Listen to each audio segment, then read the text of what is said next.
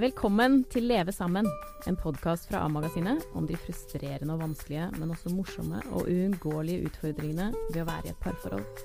I studio sitter Frode Tuen, professor i psykologi ved Høgskolen i Bergen. Hver uke svarer han leserne på spørsmål de har. Hei, Frode. Hei. I studio sitter også statsviter Bent Sofus Strandhaug. Velkommen. Tusen takk.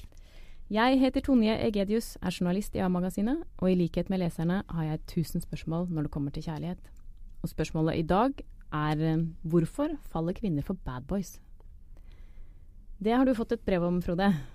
Ja, det er fra en kvinne som eh, beskriver et forhold til en mann som har uh, mye i ryggsekken, mye bagasje han har med seg, og som et forhold som absolutt ikke virker særlig bra for henne. Og hun har òg en historie med mange andre forhold tidligere som har vært veldig vanskelige. La oss høre litt på det brevet. Jeg har tidligere vært gift, og det var en tøff beslutning å velge å bryte ut av ekteskapet, men jeg var utslitt etter å ha hatt altfor mye ansvar for både barn og ektemann. Etter noen år alene traff jeg altså min nåværende kjæreste, som på den tiden hadde store problemer. Han ble kastet ut av sitt husvære, hadde svært dårlig økonomi og ventet på en dom etter narkotikasalg og bruk. Han har også sittet fengslet for den samme tidligere. Alkohol og rusmidler er for øvrig fortsatt et aktuelt tema. Etter at han har hatt et par voldsomme utbrudd i alkoholrus det siste halve året, har jeg fått svært vanskelig for å stole på ham, og ikke minst opprettholde respekten for ham. Jeg liker selv å ta meg et glass vin på kvelden og kan lett ses på som en husmoralkoholiker. Dessverre eskalerer det også for meg på denne fronten. Det føles som en lettvint måte å distansere seg fra mange vonde følelser. Han mener jo også at det er jeg som har et alkoholproblem, ikke han. Sarkasme og ironi begynner nå å ta over hverdagssamtalene. I tillegg kommer hans sjalusi. Han er ellers opptatt av at mannsrollen viskes ut i vårt samfunn. Synes det hadde vært bedre om kjønnsrollene lignet mer på hans foreldres i hans oppvekst. Men han har vanskelig for å definere unna hva mannsrollen skal være når jeg spør ham. Han har eksempel ingen problemer med å la meg stå ute og måke snø i et par timer, så lenge han kan følge skisport på TV. Han sier han gjerne påtar seg oppgaver, men må bli bedt om det, og ofte gjennomføres det med lett uvilje, noe som igjen gjør at jeg kvier meg for å be om hjelp. Jeg føler mer og mer at jeg har en trassig tenåring i hus, jeg blir sliten og lei meg, latteren og gleden har veket plass for uro og mistro. Frode, her ser det på mange måter ut til å være et mønster. Eh, hvorfor vil du si at eh, noen kvinner eh, trekkes mot menn som ikke er bra for dem? Altså, det er i hvert fall vanlig å tenke at uh, når man har et sånt mønster, at, at det handler litt om en, en, oppvekst som kanskje ikke har vært så bra. At man har vokst opp i en, en, familie hvor man ikke har fått dekket sine behov for omsorg og nærhet og kjærlighet og anerkjennelse og sånt.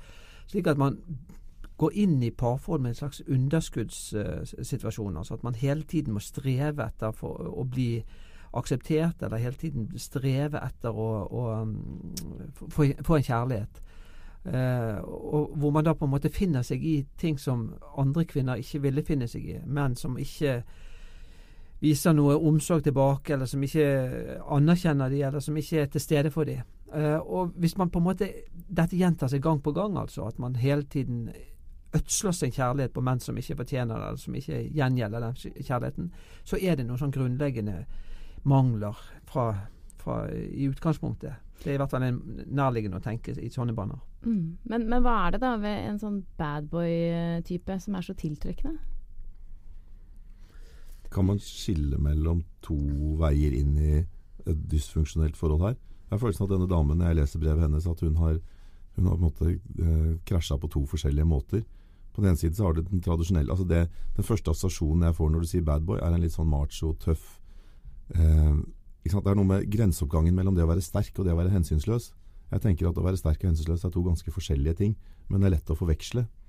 Eh, og da kan også kanskje også forstå noe av, eh, av tiltrekningen. Det er sikkert mange menn som har opplevd å bli si, utkonkurrert eh, av sånne, og stått igjen med litt sånn irritert følelse av at eh, damer ikke veit sitt eget beste. Eh, men så har du den andre varianten, som er det der, denne hyperomsorgen. Altså hvor du skal redde en eller annen kar som har eh, som har tilsynelatende noen uoverstigelige problemer av noe slag. Eh, og jeg har inntrykk av at den, hun dama her, eh, om jeg får lov å bruke uttrykket, roter seg bort i eh, over tid har rota seg bort i begge typer menn. da. Men det fins jo kvinner som eh, sender brev til menn som sitter i fengsel og, og tror at man skal kunne redde dem. Hva, hva er det som skjer da?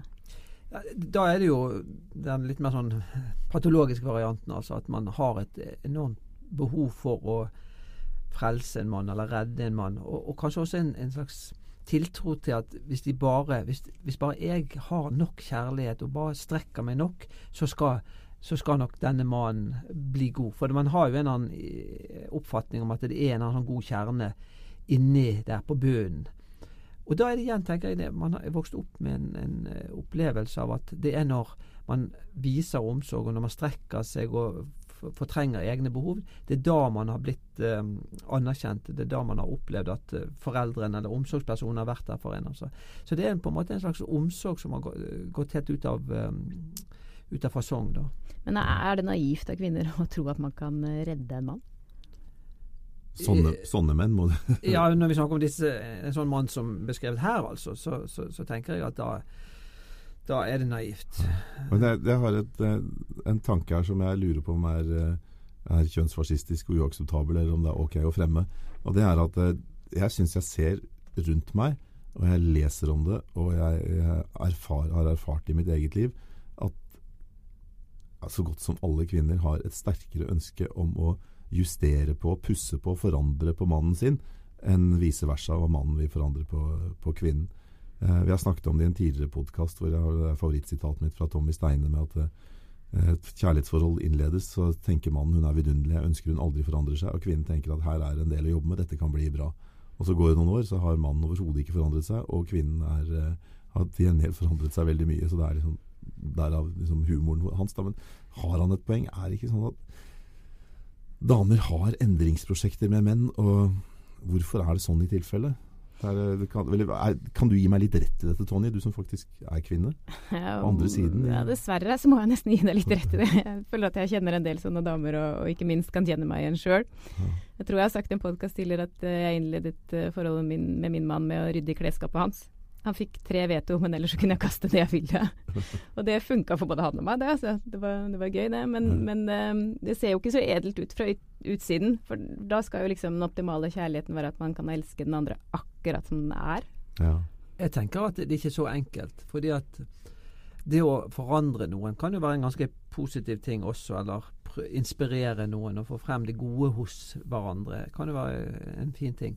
Um, man har et begrep som kalles for Michelangelo-fenomenet. Altså um, inspirert av, eller basert på uh, skulptur, eller um, ja, kunstneren Michelangelo, som handler om det der å klare å få frem eh, hugge ut på en måte de gode egenskapene, eller det, det som bor i et, eh, en person. Altså, en mann er et stykke stein med, Ja. en, med en vakker form inni seg. Og Ja, så skal du liksom bare få den opp i dagen. Og så gjelder det å få frem den formen, det potensialet som ligger, Ja. ligger der. Ikke sant? Og det er jo egentlig en veldig fin ting, at man Ja. som partner kan bidra til å få frem det gode hos den andre. Ja. Men så er det den andre, en annen eh, variant som gjerne kalles for Pygmalion-effekten. Pygmalion.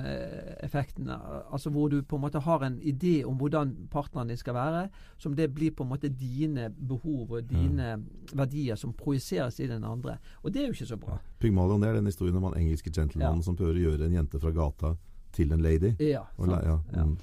Men jeg må jo innrømme at jeg kjenner noen sånne damer også. Ja, ja, helt klart. Kjenner en som etter mange års ekteskap har utbrutt at nå kan jeg aldri forlate han, for nå er han så godt oppdratt. Ja, ja, altså, det er noe i det. Ja, og jeg har altså møtt eh, ekskoner som sier at de gjerne skulle hatt en økonomisk kompensasjon av den nye kona, fordi alt jeg har arbeider jeg har nedlagt i å gjøre mannen så brukbar som han, eh, som han er nå. Men altså det der, ok, det er vakkert når det er Michelangelo, og så er det stygt når det er Pygmalion. Eh, men hva med å vokse sammen? Jeg har en sånn romantisk forestilling om at hvis man Og det er, at det er lettere å leve med et endringsprosjekt som, eh, som er felles. Altså ja, vi- Frode er jo, er jo bestevenner, og jeg, har jeg lært mye språk av han. Han snakker ofte om å, i likhet med Nils Arne Eggen, om å spille hverandre gode. Og liksom sånn der vedvarende spille hverandre gode, sånn at du faktisk merker at, du, at både at jeg blir klokere, og hun blir klokere. Eh, og at vi begge to liker bedre det mennesket vi, vi blir sammen med den andre. da. Uh, over tid. Det må jeg tenke er være noe av det fineste man kan oppleve i et forhold. Uh, Ja, absolutt. tar jeg helt av nå? Absolutt. Nei, det Men- må man si seg enig i. Ja, Ja. sant? Men, men det, forutsetter, det forutsetter jo en gjensidighet. Mm. Og det er jo det som er den, altså den positive, eller en, den gode varianten. altså Der man forandrer hverandre, eller Mm. utvikler hverandre og inspirerer hverandre gjensidig. Men når det er den mer sånn patologiske varianten, eller usunne Mm. varianten som vi ser her, så er det jo en kvinne da som strekker seg og strekker seg, seg og strekker seg, og aldri setter grenser for, for en mann som ikke har noe vilje eller evne til å, til å prøve å komme henne i møte. Og her er jo du veldig tydelig, Frode. I dette mm, svaret ditt til denne kvinnen, så sier du rett og slett 'forlat han'. Ja, altså jeg tenker at når det er sånn, når det, er bare den ene som gir, og det, her er det jo det er jo mye ved denne mannen som absolutt ikke er tiltalende, og som absolutt ikke er bra, så er det det beste bare å trekke seg ut av det. Men Ben Sofus, du, du har sagt at du blir litt irritert på sånne damer som faller for uh, kjipe menn. I- ja, det var, eh, da jeg var yngre, så, så brukte jeg litt krefter på det. Jeg, jeg synes jeg opplevde altså det var, Ole Paus har satt ord på det i en eh, i hvert fall for meg berømt sang på, fra 70-tallet, som handler om myke menn, hvor han synger 'Hvorfor ligger ingen med meg'? Der, man parodierte sånne karer som gjorde alt damene sa. Tok på seg fotformsko og eh, Gud vet om ikke de gikk med Sigrun Bergskjerf og an, annen styggedom også. Og så satt de der, og så var det ingen som ville ligge med dem. Og det er jo, Jeg tror at han fanget noe vesentlig som kanskje en del skal si, ja, kommunikative, hyggelige menn har, eh, har følt på noen ganger. Har sett at faen, skal du med han der? Du, vi har det jo så hyggelig sammen, og så går du og ligger med han. Det, men jeg kan ikke si at det, ikke, det har ikke vært et presserende problem i livet. I, det skal kvinner ha da, i voksen alder. Men det var en, liksom, i senpuberteten så hendte det at jeg, jeg følte på det der. Eh, men det har også leda meg til å tenke at eh, kanskje ting forandrer seg litt, eh, litt over tid. Men samtidig så mener jeg at eh, altså, Tony, du er jo en voksen dame, men du har vel Ikke du sagt noe Sa ikke da vi drev og varma opp før denne podkasten, så drev du og sa noe om eh, det som kanskje kunne være en drømmesituasjon for en del damer? Ja, nei, jeg sa vel noe om at uh, for noen så er det kanskje det optimale å være gift med den omsorgsfulle, ansvarlige, greie mannen. Eh, så kan man jo likevel drømme om å ha sex med den derre heftige bad guyen litt på si. Ja. Men da er man ikke et helt integrert menneske, tenker jeg. Eh, Eller jeg tenker at man må bare akseptere at vi er jo litt sånn vi, er jo ok, det var ikke helt integrert seksualitet, da. Men når du spør kvinner, da, altså, som man har gjort i undersøkelser, om hvem kunne du tenke deg å ha tilfeldig sex med, og hvem kunne du tenke deg å være gift med, og så ramses det opp forskjellige egenskaper. Og da er det jo Jeg vil, gjer- vil gjerne ha tilfeldig sex med en snill og hyggelig hensynsfull mann. Man vil ha, man vil ha sex, tilfeldig sex med en litt sånn tøff, røff, eh, litt sånn eh, utagerende type. Og så vil man gifte seg med en snill og omsorgsfull eh, type. Mm. Så, så, så der er det jo på en måte en, en motsetning i, Ja. i kjærlighetslivet eller i erotikken. Altså, og vi mennesker er jo sammensatt. Jo, men kan man ikke forandre seg over tid? Jeg føler selv at jeg faktisk har utviklet meg på det området der. At min seksualitet er mye mer integrert nå som eh, noen og 50-åring enn den var par, da jeg var et par og 20. Da kunne jeg, eller da, da var ung, så skille mellom meg. Hun kan jeg bli forelsket i, men hun har jeg mer lyst til å ligge med. og sånn. Altså, det var jo helt sjuke tilstander i, eh, i driftslivet. Eh, mens nå er jeg jo blitt Eller inntil Tonje sa disse her tingene om at, eh, om at eh, det er fint å ha begge deler også Eller kunne være fint å ha begge deler også i voksen alder. Så har jeg, jeg har blitt til det jeg trodde damer var. Som er integrert. Altså nå, nå får jeg lyst av, av å ha det hyggelig. Jeg blir kåt av å være trygg. Du, du, du, du er blitt mer kvinnelig i ditt Ja. følelsesliv. Jeg er blitt helt dame. Eller, eller det jeg trodde at damer var. Og jeg har tenkt at det var en god ting. Da. At det er liksom det er en fin, altså Integrert er et liksom positivt lada ord. Og når da skal jeg si romant, det, det handler egentlig om at romantikk og erotikk blir integrert. Ja. Men dette høres jo helt optimalt ut. Veldig Ja. modent, eh, spør du meg. Men jeg syns jeg ser en del konstellasjoner um, av den veldig sånn flinke kvinnen. Dyktige, mm, sikkert gjør karriere, mm, kanskje holder seg selv litt sånn strengt. Som nettopp uh, har en eller annen fling med en bad boy. Mm. Og hva er det med den konstellasjonen med den flinke dama og den utfordrende mannen? Altså, kanskje det er litt sånn kompensering. Altså at de tar ut sitt eget behov for opprør hos mannen, istedenfor at de selv klarer å være, eller ønsker å være opprørsk eller ukonvensjonell, så kan det være en måte å få en, en flik av den virkeligheten på gjennom å, å ha et forhold til en mann. Mm. Prøve å smake på noe du aldri har Ja. liksom, ellers hadde vært til. Jeg husker Da jeg studerte på Blindern og bare var sammen med sånne jenter som også studerte på SV-fakultetet, så hadde jeg en sånn hemmelig drøm om å ligge med en en sekretær med perlekjede og stemte Fremskrittspartiet. Har ikke alle menn hatt det? Nei, for det var ingen sånne som De var ikke interessert i meg. Jeg møtte dem ikke. Hvis jeg var på jobb som journalist, så kunne de sitte i en resepsjon og se på meg med et utsøkt, eller utstuert likegyldig blikk. Mens jeg hadde jo en viss sjanse på de der damene som, som ligna på meg på Blindern. Så det, er, det kan være lenge. Men jeg har en historie om eh, en anekdote om, eh, om akkurat den konstellasjonen som du beskriver der, Tonje. Det var, jeg var si, så uheldig gjennom en serie tilfeldigheter å havne tett på en utroskapsaffære blant to mennesker som jeg jobbet sammen med for mange år siden. Hvor hun nettopp var en sånn der kjempeflink dame som tilsynelatende hadde alt på stell. Og hadde etter jeg visste, en snill og pen og flink mann eh, hjemme. Eh, og hun sto da i med en kar som hadde et mye mer sånn røff væremåte. Uh, og en gang gjennom en serie skal jeg kalle det logistiske tilfeldigheter, så var jeg på en lengre transportetappe sammen med dem. Hvor, hvor han da selvfølgelig var full og, og gæren, og oppførte seg som uh, full og gæren og pøbel. Og så begynte hun å rette på han. Og liksom, jeg merka at hun var flau og ville justere på han og ta han inn og sånn. tenkte jeg himmel og hav, hvorfor har du en affære med han fyren her? Det, opp, det virka så opplagt for meg at det var hele den der badboy-heten hun var ute etter. da. Og da kunne hun ikke liksom, i neste runde snu seg rundt og prøve å gjøre han om til noe som ligna mer på han stakkars mannen som satt hjemme og, og ble bedratt. Um, og Jeg hadde, skulle ha veldig sånn trang til å si det, men jeg, jeg heldigvis vurderte, jeg tror jeg vurderte situasjonen korrekt sosialt. Det, det, var helt sånn riktig av meg å holde kjeft og bare, bare, tenke mitt. Så det er godt å få det ut nå. Da. Men Frode, men Frode tror du at noen kvinner eh, begår den uh, tabben at man syns det er sexy med en mann som utfordrer konvensjoner og sannheter, og, og tenker at her ligger en styrke. Og så glemmer man å tenke at uh, hvis han kan gi faen i alt annet, så kan han også gi faen i deg. Ja, og det tror jeg nok en del kvinner altså, har opplevd det. da, At uh, det slår tilbake. Så det bør man jo tenke på. Men igjen så er det det altså at hvis man tenker, så, så er det jo en type behov eller ønsker og, og, og, tiltrekning som kommer frem. Og, hvis man kjenner etter, så kan det være litt andre ting. Og Det er der denne mm. integreringen bør være. altså At det er sånn noenlunde samsvar mellom det du mm. føler og det som er på en måte verdiene dine.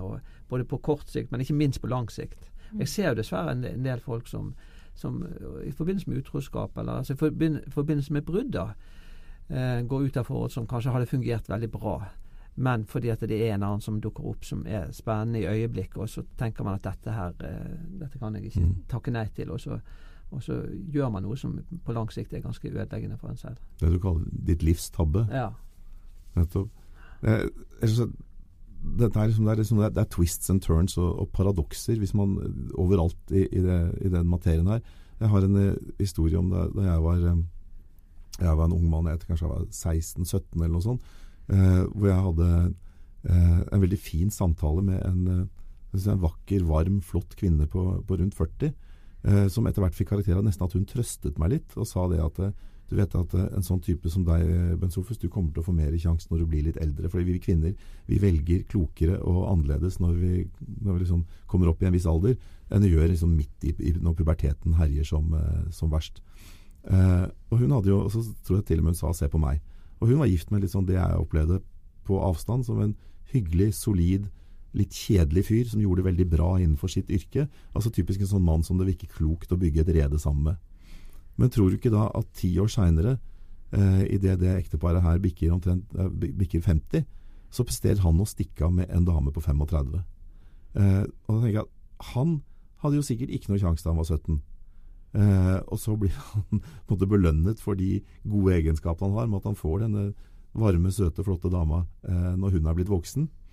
Eh, og så lever de det som det, det, så ut for meg som et godt ekteskap. og Vi fikk de barna de skulle ha, de hadde det materielt godt. og Det, det virka alltid som et veldig hyggelig hjem.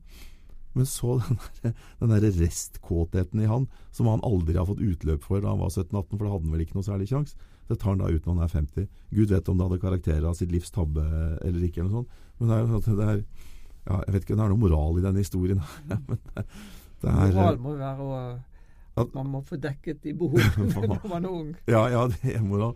Og at, eh, at, en nerd At vi lever i en tid hvor eh, Men er det ikke noen film som heter The Revenge of the Nerds eller noe sånt, som gikk for ti år siden, som unge mennesker ser på? Så det, er, eh, det som ikke er sexy når du er 17-18, det kan nettopp bære i seg kimen til egenskaper som gjør at jeg er en vinner som voksen, mm. og som gjør at du plutselig får mye mer sjanse, og som kan destabilisere hele pakka. Mm. Så det, er, eh, det lurer farer bak hvert hjørne, er kanskje, er kanskje moralen. Men, men, har dere sett eksempler på at uh, kvinner også kan ha noen egenskaper som uh, kan transformeres da til en seksuell kapital. Da tenker jeg ikke bare på det at man er en sexy kvinne, men liksom den femme fatale, den kvinnelige bad boyen.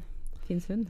Ja, det gjør hun jo, absolutt. Det kommer kanskje til uttrykk på andre måter enn for den mannlige babyen. De er jo gjerne ikke like utagerende eller Altså Det er jo gjerne kvinner som fungerer veldig bra ja, i, yrkeslivet og har karriere, og på en måte setter kanskje karrieren og sine egne behov foran eh, ektefellen eller partneren, og kanskje også foran eh, barna. Det er de du gjerne du, du kan få de, men du får ikke de helt. Sant? Som de kan på en måte droppe deg i, i, i neste sving. Eller du vet aldri om du kan virkelig stole på de. For dem er det lett å bli hekta på?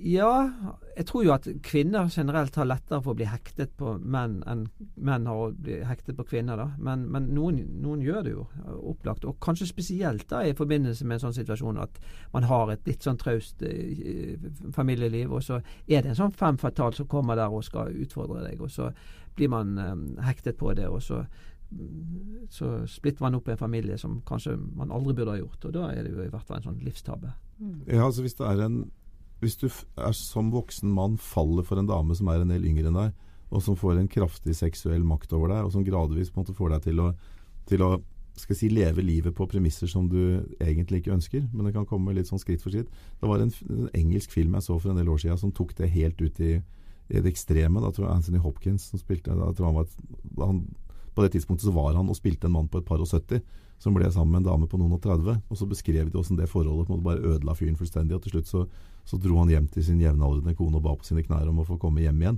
Og ingenting han heller ville ha. En litt sånn fredelig tedrikking mens de sammen klippet på noen roser. Men da, da var det for seint. Men det var, eh, det, var, det, ble veldig, det ble veldig sterkt fremstilt da når det er så stor aldersforskjell. Men eh, jeg tror kanskje at eh, Men da, da sier man jo ikke da fremstiller man, altså I den offentlige samtalen dette, så fremstiller man jo ikke den mannen som et offer. Man fremstiller han som en selvsentrert idiot men hva skulle han være offer for, da? Sine egne drifter? Ja, jeg vet ikke. men altså, jeg tenkte Når vi snakker om de kvinnene som faller for bad boys, så syns jeg det har litt sånn mer element av en sånn offerdiskurs mm. eh, enn en, en sånn mann. Han er på en måte bare, bare patetisk. Det er eh, jeg, får, jeg, merker at jeg får meg ikke til å si på samme måten om en dame som går inn i destruktive forhold at ja, men du er jo, en, du er jo idiot. Dette burde du jo vite bedre. Jeg, har en slags, jeg har en slags sympati. Jeg syns er synd på henne. Men, men, nå er jeg snart så gammel som Anthony Hopkins var den gangen, så da, da kan jeg Jeg merker en gryende sympati. da. Stakkars fyr som lot seg lede av, eh, lede av pikken sin til å gjøre noe så inn i granskauen dumt. Men har vi alle noe å lære av Maria Bonnevie? Som gikk fra Michael Persbrandt til eh, Fredrik Skavlan? Ja, det kan man si. Altså, hun gikk fra en uh, typisk badboy til en, uh, en, en, som i hvert fall fremstår som en mye mindre typisk badboy. Og uh, Han har så snille øyne. jeg er på at damene sier fremstår som en veldig snill og omsorgsfull fyr. Og, det, og fremdeles en, en at, veldig attraktiv mann. Så hvis man er i posisjon til å velge på den måten som hun har gjort, ja. så er det jo opplagt et godt valg. Det er litt som å si det at en, en mann som har har solgt en, eh, en, Porsche og kjøpt en Rolls-Royce. Ja, det var et veldig godt valg. Det burde flere gjøre. det er ikke liksom alle som har så mye å legge i potten. Men eh, kan jeg bare si to ting om det? Mm. Det ene er at legg merke til at alt hun har gjort, er å gjøre det i riktig rekkefølge i forhold til det vi snakket om i sted. Nettopp. Hun har gått fra bad boy til altså, La oss nå si da at det offentlige bildet av Michael Persbrandt er sånn noenlunde riktig. Så har hun gått fra, eller fra bad boy til en fyr som tilsynelatende kan tilby mye mer stabilitet og, og harmoni. Eh, og det andre er jo at det, eh, jeg tviler på at forskjellen fullt, mellom de to mennene er fullt så stor som den ser ut fra, ut fra det offentlige bildet. For jeg tror ikke at uh, Fredrik Skavlan hadde blitt Han er bortimot Norges største kjendis og har vært det i 10-15 år. Han har ikke fått den posisjonen han har hvis ikke han er ganske tøff under den der uh, veldig behagelige overflaten. Jeg kjenner ikke mannen, men jeg, min generelle livserfaring, ut fra min generelle livserfaring så vil jeg virkelig tro det. Da må vi avslutte der i dag. Tusen, tusen takk for at dere kom. Neste uke spør vi er menn en forenklet utgave av kvinner? Har du innspill, kommentarer eller spørsmål til noen av temaene vi tar opp i våre podkaster, send en mail til amagasinet at aftenposten.no. Samme mailadresse kan du bruke om du har spørsmål om samliv og relasjoner som du ønsker at Frode Tuen skal svare på. Bare henvendelser som blir brukt i spalten, blir besvart. Du kan abonnere på podkasten Leve sammen i iTunes. på aftenposten.no, og i A-magasinet kan du også følge med på hva Frode Tuen gir folk råd om. På gjenhør neste uke.